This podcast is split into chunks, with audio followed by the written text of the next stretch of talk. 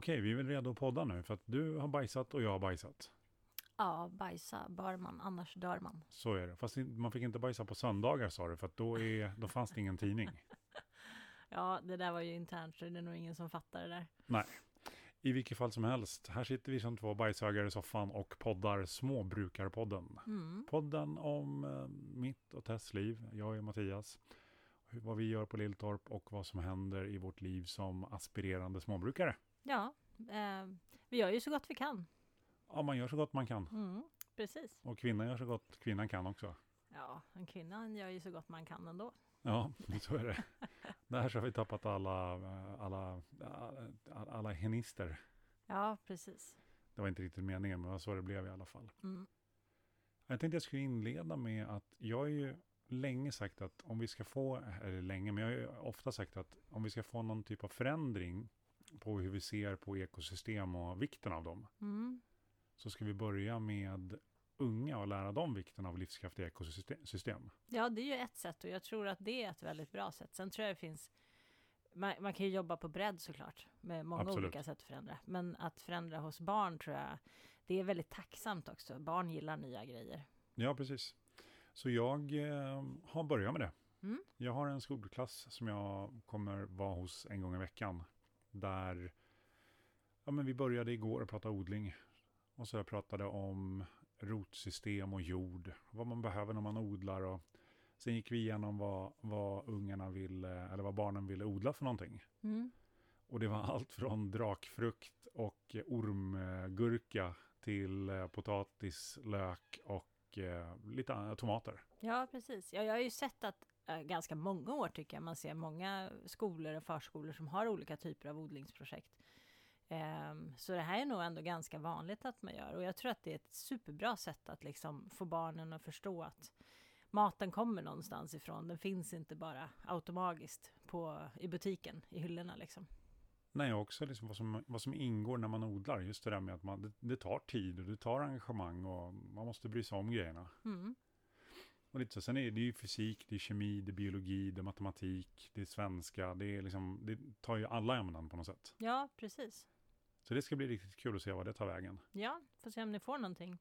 Ja, jag tänkte vi ska odla lite sockerärt faktiskt. Ja. Det är sådär tacksamt. Och tomat vill de flesta odla. Ja, precis. Det är kul att plocka. Ja, precis. Precis. Så det, det gjorde jag igår. Mm. Sådär. Sen en annan grej som vi har pratat ganska mycket om här hemma. Det är ju gårdskött och liksom hur man tar tillvara på det man slaktar. Mm.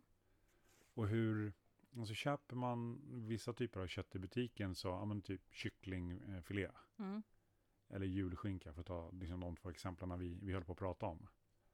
Så då smakar ju de på ett speciellt sätt och de har en speciell textur. Och liksom de, de, de är på ett, på ett speciellt sätt i munnen och vi är uppvuxna med det så vi är vana vid det. Mm. Och sen när man har gårdsdjur och så slaktar man dem och så ska man då äta den här eh, kycklingbröstfilét eller hönsbröstfilén. Mm. Då är liksom köttet helt annorlunda. Mm. Och det är lite intressant. Ja, faktiskt. För det, det är ju så att eh, butikskött oftast, det är ju, dels avlar man ju på djur som, som ger en viss textur i köttet. Mm. Det vill säga det ska vara samma lika år efter år. Ja, är, folk vill ju ha samma lika när de köper samma produkt, så förväntar de sig att det ska vara likadan som den förra gången de köpte. Ja, precis. Och sen behandlas ju köttet mer eller mindre på olika sätt. Mm. Ehm, och det görs ju också i en kontrollerad process just för att det ska smaka likadant mm, jämt och ständigt. Och tittar man på innehållsförpackningen, innehållsförpackningen, innehållsförteckningen på förpackningen. Så eh, ta eh, kycklingfilé till exempel, då är det ju i varierande mängd vatten som är med i det man köper. Ja, lite vatten är det väldigt ofta för att de liksom vattenglaserar kycklingen innan frysning för att den ska hålla och inte bli frysbränd. Eh, men ibland är det ganska mycket vatten i och då har de ju inte satt det bara på utsidan, då har de ju satt det i det också. Nej, alltså är det över 5% vatten så är det ju på insidan. Mm. För är det 100 gram kyckling och det är 5 gram, alltså det är 5 gram vatten blir ganska mycket. Mm. Det kan ju vara ända upp till liksom 20% vatten eller sockerlösning eller saltlösning som man har injicerat. Mm, precis. Och det, det gör man ju dels för att man, man fyller ut den så att den får ett större värde. Eh, och det är också en slags mörningsprocess när man sprutar in så här socker och saltlösningar, en smakprocess och en mörningsprocess i det hela. Precis. Som gör att texturen som, är, som blir liksom är mer det vi är vana vid ofta. Ja, faktiskt. Om man tar julskinkan då, som tittar man på innehållsförpackningen där så är det ju en hel del druvsocker och salter och annat som är insprutat. Ja, nu sa du innehållsförpackningen igen. Ja, jag gjorde det med flit. Jaha, okej. Ja, jo men så är det absolut. Det är, det är ju ganska mycket som, som är i de här äh, råa livsmedlen som vi kanske inte tror är där. Om man börjar läsa, om man vänder på produkten och läser på baksidan så kan man ju se det själv. att Ofta är det också så att desto billigare desto mer. Det brukar ju vara en, en tumregel. Sen stämmer ju inte det alltid, men eh, Ja, men ofta så är det ju så. ofta är det ju så att köper du en väldigt billig råvara så är det ofta mycket tillsatser i form av sånt. Enda sånt som är billigt att sätta till så att det blir tyngre. Mm. Eller sånt som är billigt att sätta till så att det håller mycket längre. Precis, eller så att det smakar fantastiskt mycket bättre än vad det kanske hade gjort annars. Ja. Nej men det är så, om du, tar en, om du slaktar en gris och tar en julskinka och gör ordning den och sådär och, och sen äter man den. Mm. Då kommer det inte smaka som en butiksköpt skinka. Nej, i vissa fall så är texturen eh, och smaken ändå ganska lik. Jag menar, jag har ju köpt julskinkor många gånger och ofta har de smakat lite olika för att gris, köttet i sig kan smaka olika från olika grisar liksom. Eh, men ibland när man gör en detalj så tänker man att nu ska det bli som, som när jag gjorde det sist och så är det liksom inte bara smakmässigt annorlunda också texturmässigt helt annorlunda. Ehm, och när det gäller gårdskött så dels kan det ju bero på att vi kanske inte har hängt våra djur som, eh, som de gjorde annars. Att man har liksom mörat dem genom att låta dem vara. Eh, det, det påverkar ju jättemycket såklart slutresultatet. Eh, men dels är det ju också de här mörningsprocesserna som man inte alltid ser då innan man köper i, i butik. När de injicerar saker som man, som man upplever att man kanske nästan saknar ibland i sitt eget kött. För man bara, varför är inte det här som det brukar vara liksom? Ja faktiskt, och det är, där, jag brukar alltid tänka på han Jon på Härnö Gin. Mm. Han berättar ju så passionerat om hur de byggde upp sin destilleringsanläggning och hur de importerade saker som pannorna från Tyskland eller Belgien eller vad det var. Mm. Och de liksom la ner 100% av sin själ för att liksom få ut den här riktigt, riktigt bra ginen. Mm. Och så var dag, dagen D var här, liksom när de första dropparna kom ut och det var dags att smaka på det. Och det smakade dyngvatten i plåtlåda. Ja, vad kul. Ehm, och sen så lärde han sig ju liksom att de första destilleringarna som, som gjordes, det var då liksom allt alla slaggprodukter som inte hade lossnat än, att det kom. Mm. Så nu är ju den här är ju fantastiskt god. Men det tog ju dem ett tag att förstå liksom hur de skulle gå igenom hela processen för att komma dit de vill komma. Ja, precis. Och det är ju så med gårdsköttet också, att det är ju, man måste, vi, vi behöver ju lära oss ja, men hela processen från när vi slaktar, hur länge det hänger, eh, när vi grovstyckar, när vi finstyckar och också i, i tillagnings, eller beredningsmomenten och sen i tillagningsmomenten. Mm. Så det är många steg liksom för, att komma, för att komma fram till det perfekta baconet. Ja, det är ju lätt att tro att har man en gris och sen så slaktar man grisen och skär upp den i delar så har man liksom samma delar som ligger i köttdisken. Eh, alltså det har man ju om man tittar på dem. Ja, Men, men smak och texturmässigt så är det oftast inte alls samma sak. Eh, många säger ju så att, att sånt kött som har mått bra och så här, det, det är så otroligt mycket godare och det är det nog i många fall. Men det finns ju såklart undantag där det inte alls är mycket godare och det är ju när man själv liksom har lite missat kanske något steg i processen och tänkt att ja men det är bara att ta den här och så kokar vi upp den och så blir den likadan som, som den brukar vara.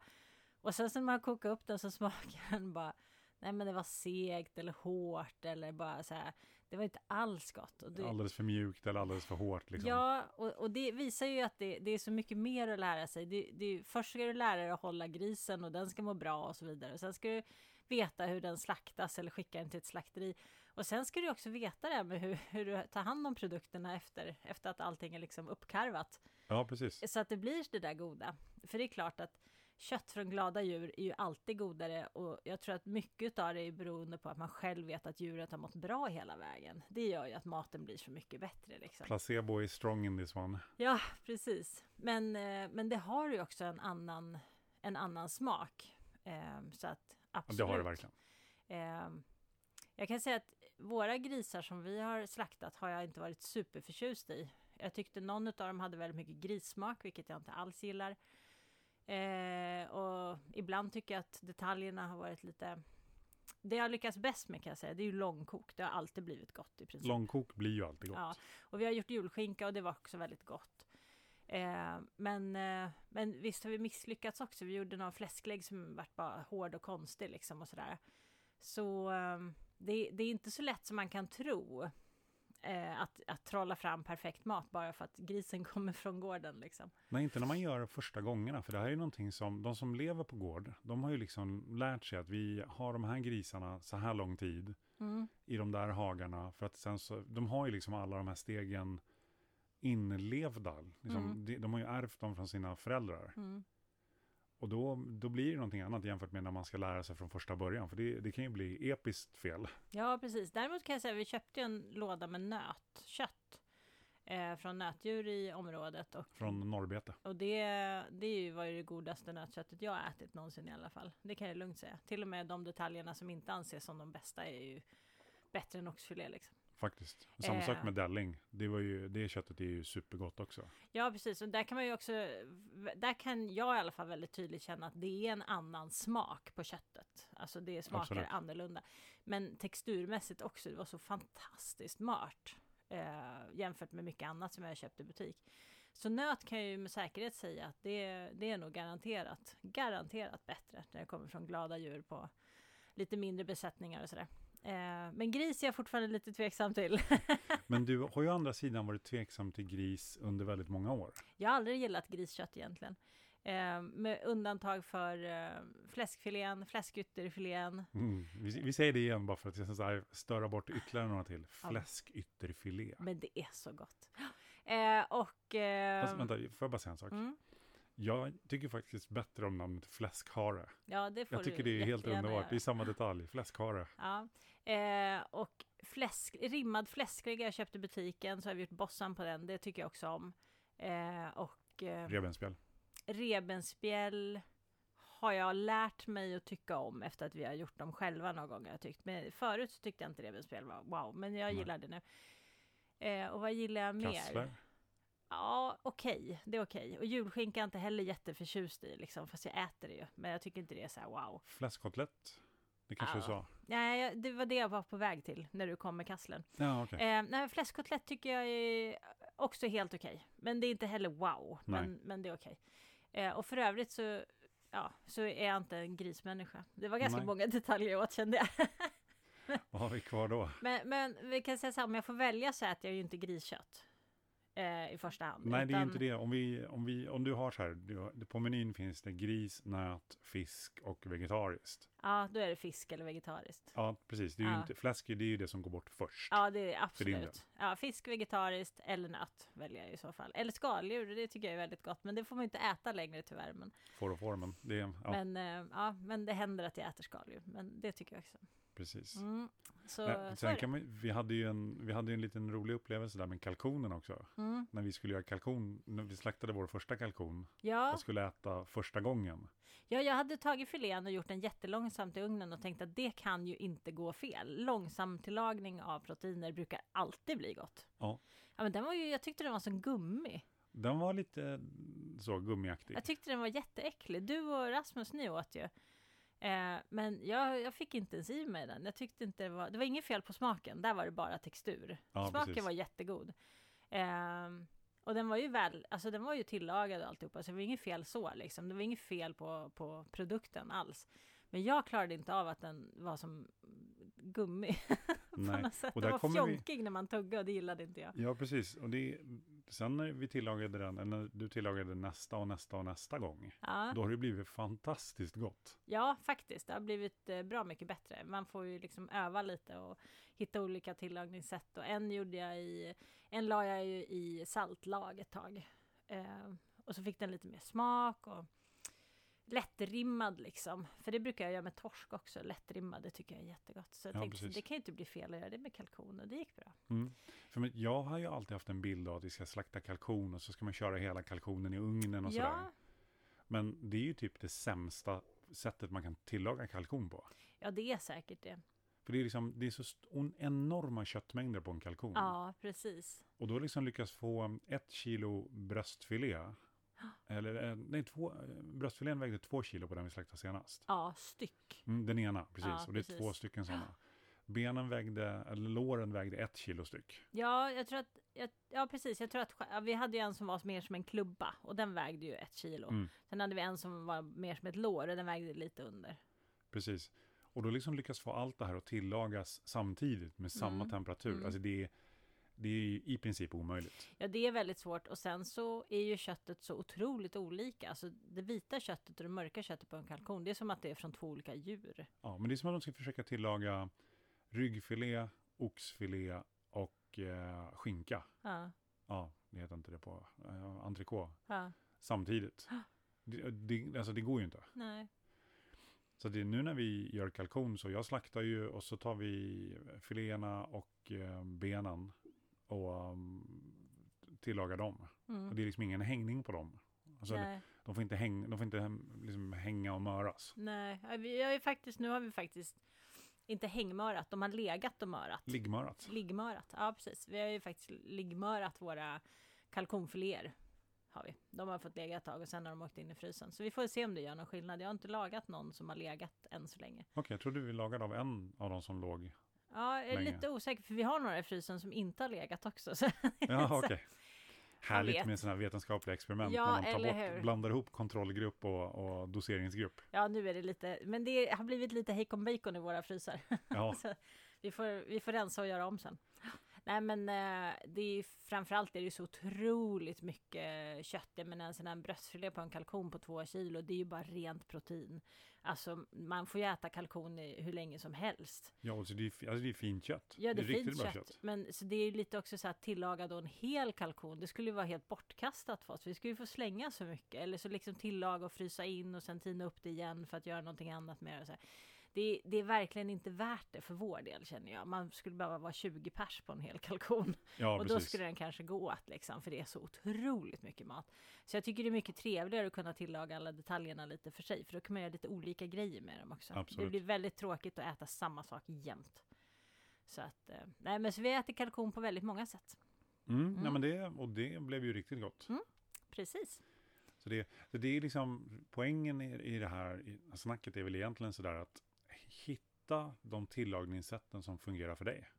Ja, Det är, liksom, det är ju det som är det viktiga och, liksom, och det som funkar för proteinet. För att du måste inte köra dina höns hela i ugnen bara för att någon tycker att det är så man ska tillaga.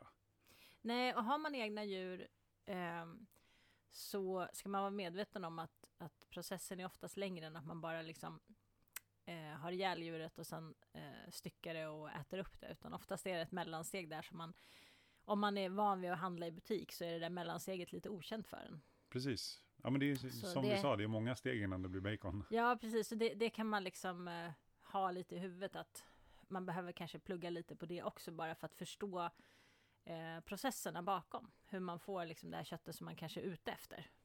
För det är jättesynd om man, om man eh, förstör mycket kött. Det är ju väldigt tråkigt då. Speciellt om man måste slänga det och inte ha någonstans man kan ha av det som det liksom fyller en funktion så är det ju väldigt trist. Men eh, det går ju alltid lite också som kanske blir hönsmat eller grismat när man misslyckas. Absolut. Inte gris till gris då förstås, utan Inte Kanske gris till gris. kalkon till gris och gris till höns och så Ja, vidare. precis. Mm. Och bara för att vara så här tydlig då, så att inte någon, de, de få vi har kvar som faktiskt lyssnar, sätter i halsen och säger så här, men man får inte ge hushållsrester och så. Eh, det har ju då inte varit i, i köket. Nej, det har vilket det nog inte varit. tänka på. Eh, ja, I vilket fall som helst så, ja, jag tappade bort mig. Ja, du tappade bort det. Ja. Alltså jag tycker ju så här, det, det finns ju, ska jag sticka ut hakan lite, men det, det, det finns ju så här regler att man får inte ge saker som har varit inne i köket till sina djur på grund av smittorisk och så. Men eh, dels har vi inte alla de där smittorna här och dels så anser jag att om jag kan äta det, då kan mina höns äta det också. Och det är bara jag som äter mina höns. Så är det. Så att eh, jag är inte så jäkla petig trots att jag vet att, eh, att man ska vara det. Nej, så är det med det. Mm. Sitter Mattias och rynkar lite på pannan här och tittar lite argt på mig och tänker så där får du inte säga Tess. Men nu har jag gjort det. Ajabaja. Nu har du gjort det. Ja. Det är tur att det är jag som har hand om djuren. Ja, eller hur? Du vet inte när du är borta, då smiter jag ut och ger dem en liten macka ibland eller en liten Precis. skrapar av min tallrik. Så här får man inte göra, så här för får, därför ger jag er. Ja, precis. Så är det. Ja, Mm, nu börjar det bli vår här i, i, i vår del av landet. ja det, det märks ju. Vi hittade ju, eh, eller jag hittade ju ägg. Ja, Hönsen har kommit igång och börjat lägga ägg. ja, det var mycket roligare vårbetraktelse än vad jag hade i huvudet. För att min, min vårbetraktelse är att marken runt huset är täckt av bajs. Alltså man kliver ut, går ner för två trappsteg och sen går man, man vadar runt i bajs här. Okej. Ja, det, alltså det är så äckligt. Eh, fåglarna har ju liksom gått runt huset hela vintern och skitit. Och eh, nu när snön börjar liksom smälta bort lite grann, man har, vi har ju inte barmarken, vi har ju fortfarande ett tjocklager sådär.